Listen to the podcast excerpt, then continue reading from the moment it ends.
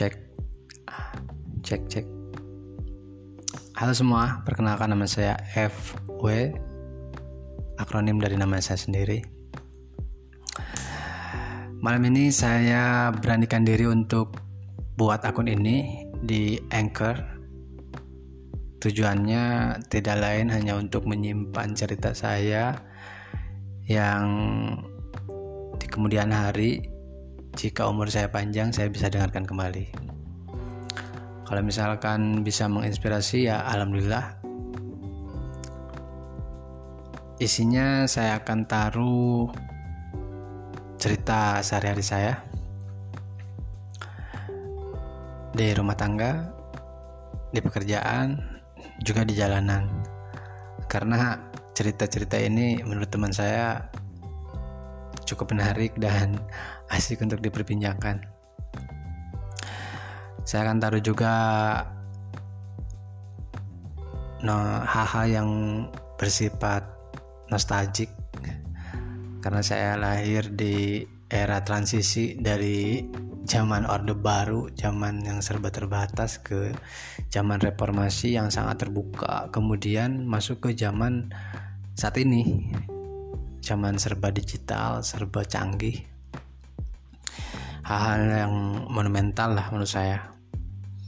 Kemudian saya juga akan taruh di sini tuh saya hobi kali ya atau mungkin kebanyakan orang juga seperti saya juga saya baca komen atau baca status di Facebook, di Instagram, di Twitter. Dan mungkin nanti akan saya uh, bahas menurut sudut pandang saya. Orang-orang sekitar orang-orang teman-teman terdekat lah itulah uh, karena karena saya yakin mereka buat status itu atau mereka buat satu tulisan itu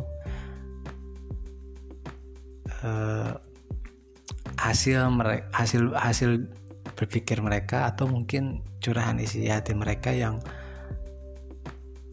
yang mereka ingin dengar gitu loh yang mereka ingin ada orang yang membaca kemudian mencoba menelaah maksudnya ke mana.